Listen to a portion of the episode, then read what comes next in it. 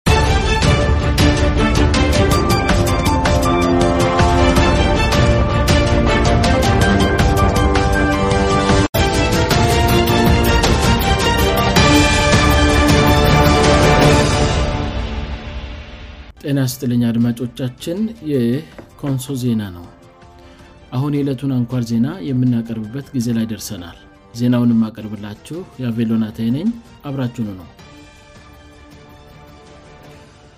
አርስ ዜናዎቹን በማስቀደም የዕለተሰኘው ታይሳስ 4 ቀን 214 አም አንኳር ዜናዎችን አሰማለሁ የህወሀት የሽብር ቡድን በሴቶችና ህፃናት ላይ ያደረሰውን ግፍ የሚያወግዝ ሰልፍ በኮንሶ ዞን ካራት ከተማ ተካሄደ እሰመጉ በአማራና በአፋር ክልሎች የመብት ጥሰቶችን ለመመርመር ከተባበሩት መንግስታት ድርጅት ጋር እየመከደ መሆኑን አስታወቀ የአስቸኳይ ጊዜ አዋጁን ያልአግባብ የተጠቀሙ አራት የፈደራል ፖሊስ አባላት ተከሰሱ አሁን ዜናውን በዝርዝር አሰማሉሁ የህወሀት የሽብር ቡድን በሴቶችና ህፃናት ላይ ያደረሰውን ግፍ የሚያወግዝ ሰልፍ በኮንሶዞን ካረት ከተማ ተካሄደ በዞኑ የሴቶችና ወጣቶች መምሪያ አስተባባርነት ህወሀት በሴቶችና ልጆች ላይ ያደረሰውን አስገድዶ መድፈርና ግፍ የሚያወግዝ የሃሽታግ በቃ ወይም በተለምዶ ሃሽታግ ኖሞ አካል እንደሆነ የተነገረለት ሰላማዊ ሰልፍ በኮንሶ ዞን ከአራት ከተማ መካሄዱን የዞኑ ኮሚኒኬሽን መምሪያ በገልጽ በኩል አስታውቋል ሰልፉ እኛ ሴቶች ጀግና እንወልዳለን ጀግናም እናዘምታለን በምርዕስ ወይም በምልመሪ ቃል በሴቶች የተደረገ ሰላማዊ የተቃውሞ ሰልፍ መሆኑ የተገለጸ ሲሆን አሸባሪው የህወሀት ቡድን ወረራ በፈጸመባቸው የአማራና የአፋር ክልሎች ውስጥ በሚገኙ ሴቶችና ህጻናት ላይ ያደረሰውን አሰቃቂ ያስገደው መድፈርእና ሌሎችም የግፍት ድርጊቶችን በብርቱ የኮነነ ነው ተብለል በሰልፉ ላይ ተገኝተው ንግግር ያደረጉት የኮንሶ ዞን የሴቶችና የህፃናት መምሪ ኃላፊ ወይዘሮ ዝናሽ ቢተማ ደረጉት ንግግር ጀግኖች ልጆቻችን የጀመሩትን ጠላትን ድል ማድረግ እስያጠናቅቁ ድረስ ለጀግኖቻችን የምናደርጋቸውን ድጋፎች እንቀጥላለን ስሉ መደመጣቸው ተገልጿል አክለውም ስንቅ ማዘጋጀት ብቻም ሳይሆን ወደ ግንባርም እንዘምታለን ብለዋል ሰልፉ ላይ የተሳተፉ የከራት ከተማ ሴቶችና ህፃናት በአሸባሪው ቡድን የምደርሱ የሴቶችና ህፃናት ጥቃት እንዲሁም የጅምላ ጭፍጭፋን በጥብቅ እናወግዛለን ሰላም ስፈን በሴቶችና ህፃናት ላይ የሚፈጸም ጥቃት ይቆሙ እኛ ሴቶች ጀግናንወልዳለን ጀግናም እናዘምታለን ደግሞምንዘምታለን የምሉና ሌሎች መፍክሮች ማሰማታቸው ተስተውሏል በሌላ ዜና በአሳለፍነው ሳምንት መጨረሻ ላይ የደቡብ ክልል ሰገን የልዩ ኃይል ጊዜያዊ ማሰልጠኛ ተቋም ለሰባተኛ ዙር ያሰለጠናቸውን 1943 የልዩ ኃይል ሰራዊት አባላትን ማስመረቁን አስታውቋል ሰልጣኞቹ የፖሊስ ስነስርዓት የኢፈርድሪ ህገ-መንግስት የአካል ብቃት የመጀመሪያ የህክምና እርዳታና ሌሎችም ልዩ ልዩ ስልጠናዎች ማግኘታቸውን በምረቃው ስነስርዓቱ ላይ የተገኙት የደቡብ ክልል ፖሊስ ኮሌጅ ኃላፊ ምክትል ኮሚሽነር አብርሃም ተርካሶ አስታውቀዋል ወደ ሰገን የሥልጠና ማይገል የገቡ ወንድ 1985 ሴ 2 በድምሩ 295 ሲሆኑ ከነዚህም መካከል 1748 ወንዶች እና 195 ሴቶች በድምሩ 1943 በኮንስታብል ማዕረግ በሳለፍነው ቅዳሜ ከጊዜያዊ ማሰልጠኛ ማዕከሉ ተመርቀዋል በናው የላማ ተኩስ የሽምቅ ውጊያ የደፈጣ ውጊያ ዲጋፕላፕ ታዛ አድማብተና የኮማንዶእና ሌሎችም የተክኒክ ብቃት ስልጠና ወስደው ብቁ በመሆናቸው ለምረቃው መብቃታቸው ተገልጿል በስልጠናው ከፍተኛ ውጠት ያስመዘግቡ ምልምል ኮንስታብሎች ከክልሉ ምክትል እስ መስተዳድር አቶ ተስፋ ገዙ እጅ የተበረከተላቸውን ሽልማት ተቀብለዋል ይህ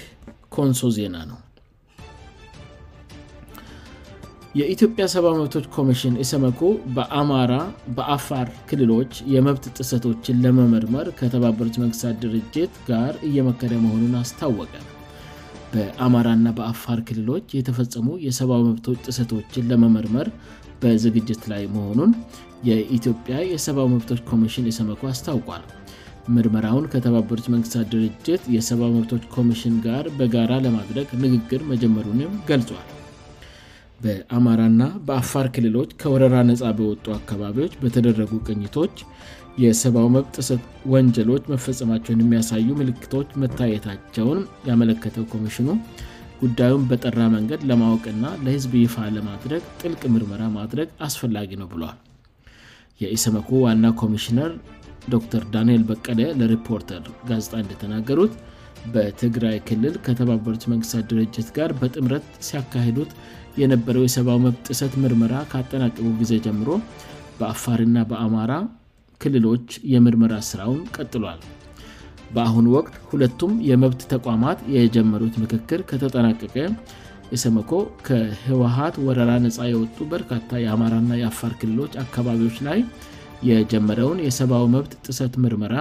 ከተባበሩት መንግስታት ድርጅት ጋር በመሆን በጋራ ለማጠናቀቅ ይሰራሉ ብለዋል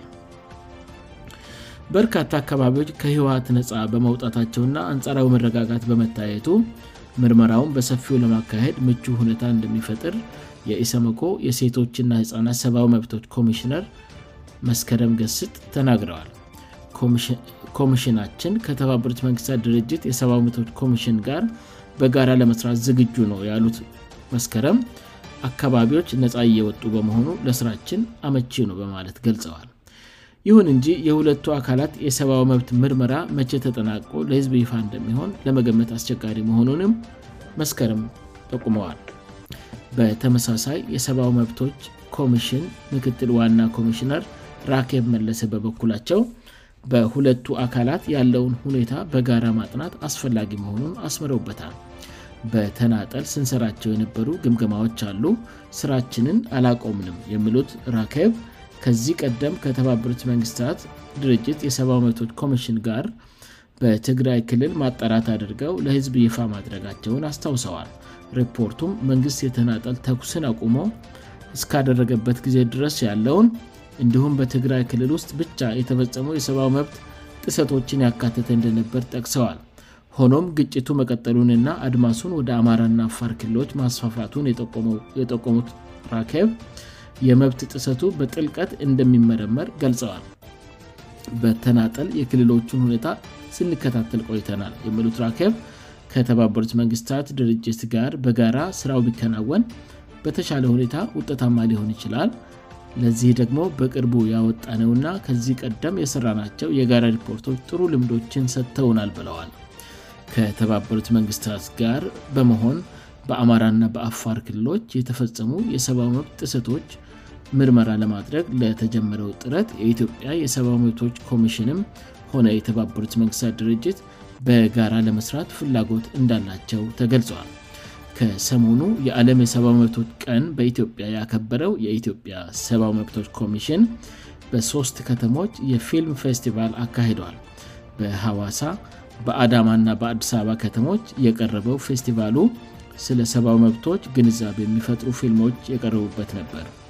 በሌላ በኩል በዓለም አቀፍ ደረጃ የአንድ ዓመት ስራ አፈፃፀም ብቃቱ ተገምግመ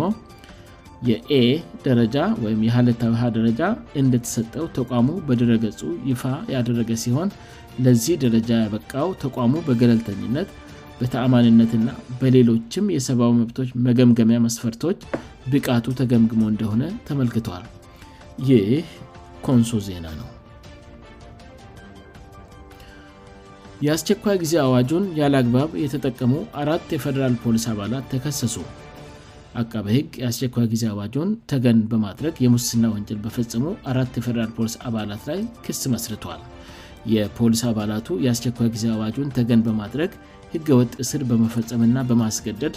26 ብር በመቀበል ነው ክስ የተመሠረተባቸው የአቀበ ህግ ክስ እንደሚያስረዳው ከሆነ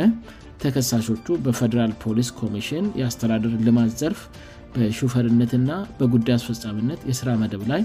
የሚሰሩ አንደኛ ረዳትን ኢንስፔክተር ፍቃዱ ዘውዴ ሁለተኛ ረዳት ኢንስፔክተር ኢስሃቅ ዳካ ሶስተኛ ረዳትን ኢንስፔክተር ደጆ እና በልዩ ወንጀል ተካፋይነት ግብርበር የሆነው አቶ ዳዊት ዳዲ ናቸው ተከሳሾቹ ጥቅምት 23 ቀን 2014 ዓም በልደታ ክፍለ ከተማ ወረዳ 09 ዲፍሪክ ሆቴል አካባቢ የግል ተበዳይ በባለቤትነት በሚያስተዳድረው የንግድ መደብር በመግባት አራተኛ ተከሳሽ የመረጃ መረብ ድህነት አገልግሎት ባልደርባ በመምሰል ከአንደኛ እስከ 3ስተኛ ተከሳሾች የፌደራል ፖሊስ አባልነታቸውን ሽፋን በማድረግ ምርመራዊ ማከናወንና ተጠርጣሪ የመያዝ የስራ ድርሻ ሳይኖራቸውእና ምንም አይነት ትእዛዝ ሳይሰጣቸው የግል ተበዳይን በወቅታዊ ጉዳይ ትፈለጋለ በማለት ለስራ በተሰጣቸው መኪና ጭነው ወስደዋል የግል ተበዳይን ጭነው ከወሰዱ በኋላ 1 ሚን ብር እንዲሰጣቸው ጠይቀው በኢትዮጵያ ንግድ ባንክ ባልቻ አባ ነፍሶ ቅድንጫፍ 2600 ብር 1ኛ ተከሳሽ የቁጥባ ሳብ እንዲያስገባ መከፋፈላቸውንም አቃባ ህግ አስታውቋል በዚህም ተከሳሾቹ ስልጣንን ያለግባብ መገልገል የሙስና ክስ እንደቀረበባቸው ከፍትህ ሚኒስትር የተገኘው መረጃ መለክታ በዛሬ ሁለትም ተከሳሾች በችሎት ቀርበው ክሱ የተነበበላቸው ሲሆን በክሱ ላይ መቃወሚያ ካላቸው እንዳቀርቡ ለመጠባበቅ ለታይሳ 7 ቀን 214 ዓም ተለዋጭ ቀጠሮ ተይዟል ይህ ኮንሶ ዜና ነው አድማጮቻችን ዜናውን ከማብቃቴ በፊት አርስቴ ዜናዎቹን በድጋሚ ያሰማለሁ የህወሀት የሽብር ቡድን በሴቶችና ህፃናት ላይ ያደረሰውን ግፍ ሚያወግዝ ሰልፍ በኮንሶ ዞን ካረት ከተማ ተካሄደ የኢትዮጵያ ሰባመርቶች ኮሚሽን እሰመኮ በአማራ ና በአፋር ክልሎች የመብት ጥሰቶችን ለመመርመር ከተባበሩት መንግስታት ድርጅት ጋር እየመከረ መሆኑን አስታወቀ የአስቸኳይ ጊዜ አዋጁን ያለአግባብ የተጠቀሙ አራት የፌደራል ፖሊስ አባላት ተከሰሱ ዜናው በዚያ በቃ አድማጮቻችን የዕለቱ አንኳር ዜናዎቻችን ይህን ይመስሉ ነበር ስላዳመጣችሁን እናመሰግናለን ኮንሶ ዜና በነገው ምሽትም በተመሳሳይ ሰዓት እንደሚጠብቁ ተስፋ ያደርጋል እስከዚያው በደህና ቆያል